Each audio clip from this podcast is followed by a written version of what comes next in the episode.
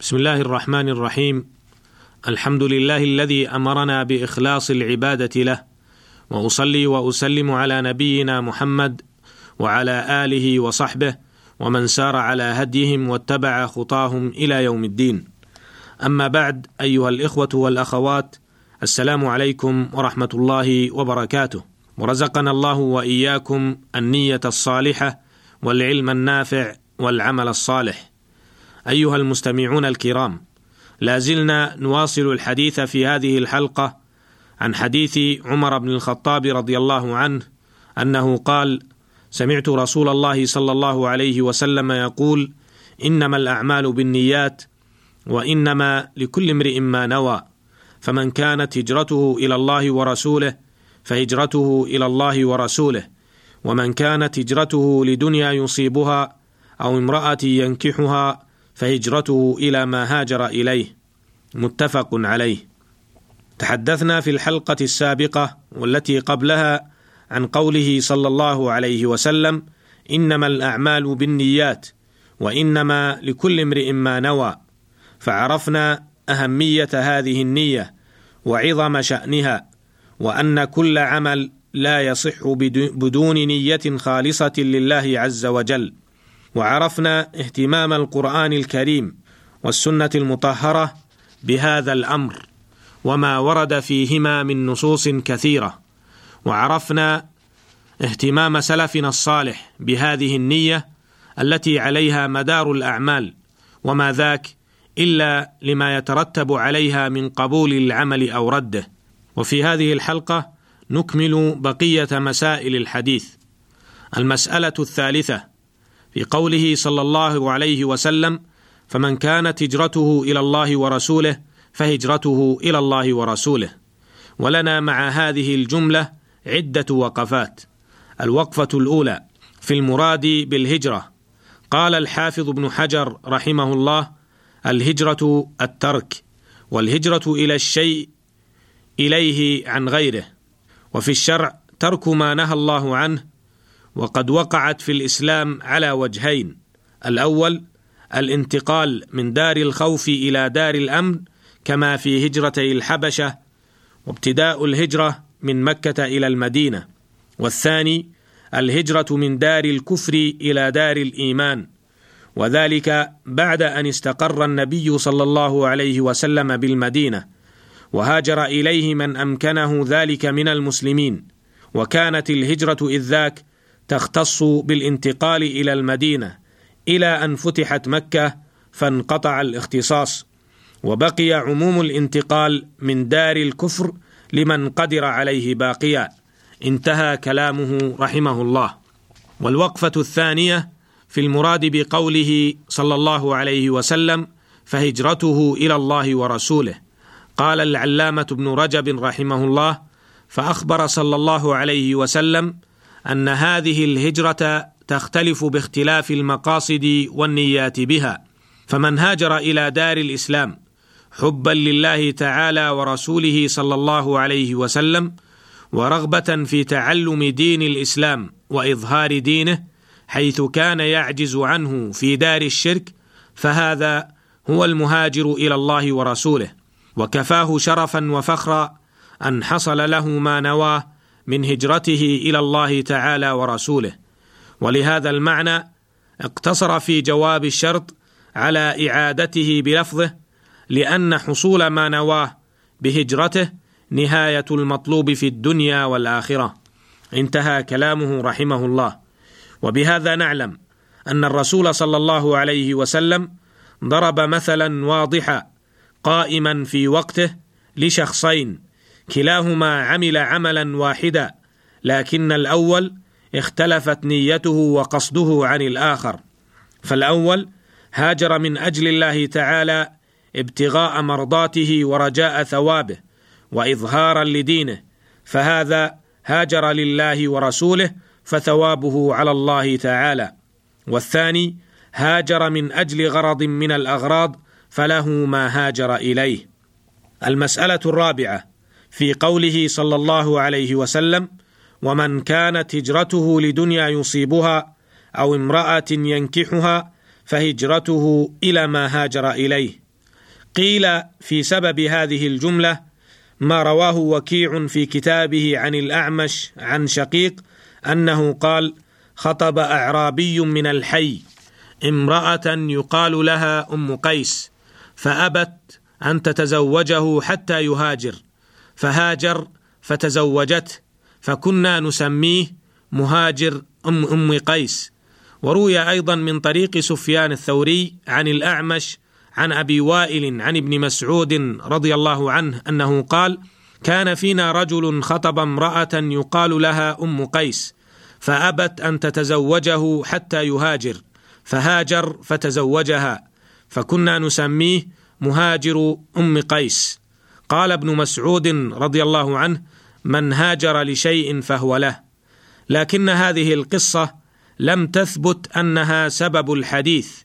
يقول العلامة ابن رجب رحمه الله وقد اشتهر أن قص أن قصة مهاجر أم قيس هي كانت سبب قول النبي صلى الله عليه وسلم من كانت هجرته لدنيا يصيبها أو امرأة ينكحها.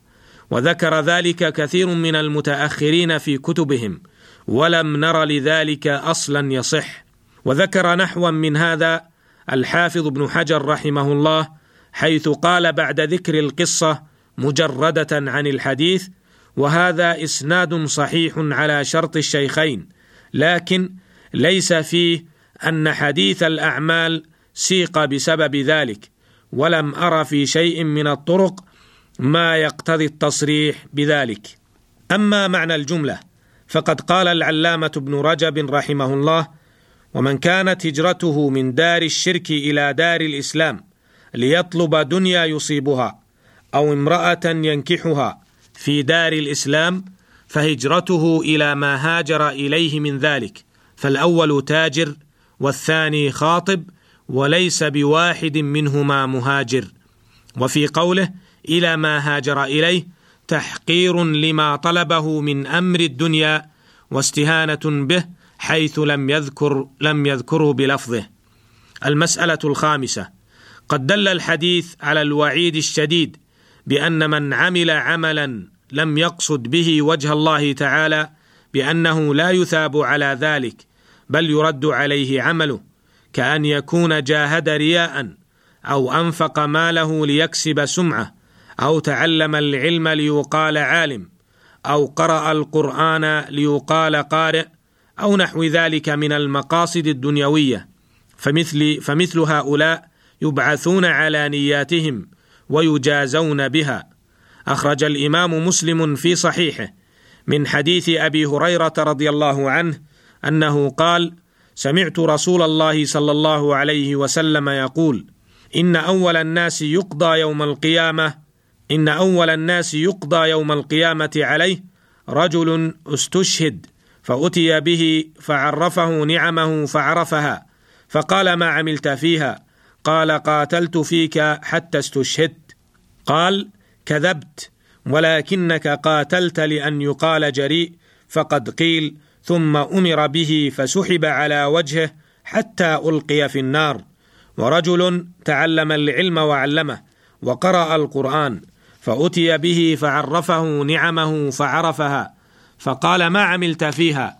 قال تعلمت العلم وعلمته وقرأت فيك القرآن قال كذبت ولكنك تعلمت ليقال عالم وقرأت القرآن ليقال قارئ فقد قيل ثم أمر به فسحب على وجهه حتى ألقي في النار. ورجل وسع الله عليه وأعطاه من أصناف المال فأتي به فعرفه نعمه فعرفها فقال فما عملت فيها؟ قال ما تركت من سبيل تحب أن ينفق فيه إلا أنفقت فيها لك. قال كذبت ولكنك فعلت ليقال هو جواد أي سخي كريم. فقد قيل. ثم أمر به فسحب على وجهه حتى ألقي في النار. وفي بعض روايات الحديث إن معاوية رضي الله عنه لما بلغه هذا الحديث بكى حتى غشي عليه فلما أفاق قال صدق الله ورسوله قال الله عز وجل من كان يريد الحياة الدنيا وزينتها نوفي إليهم أعمالهم فيها وهم فيها لا يبخسون أولئك ليس لهم في الآخرة إلا النار. أيها المستمعون الكرام إن صرف المقاصد في الأعمال الشرعية لغير الله جريمة من الجرائم ومحبط للأعمال ومفوت للأجر والثواب. فاحرص أخي المستمع على الا تبطل عملك أو أن تتشبه بالمنافقين الذين يراءون الناس ولا يذكرون الله إلا قليلا. احذر أن تكون ممن قال الله تعالى فيهم فويل للمصلين. الذين هم عن صلاتهم ساهون الذين هم يراءون ويمنعون الماعون. فلئن كانت النية الصالحة تضفي على صاحبها قبولا عند الله فإن النية المدخولة إذا انضمت إلى العمل الصالح في صورته يستحيل بها إلى معصية تستجلب الويل.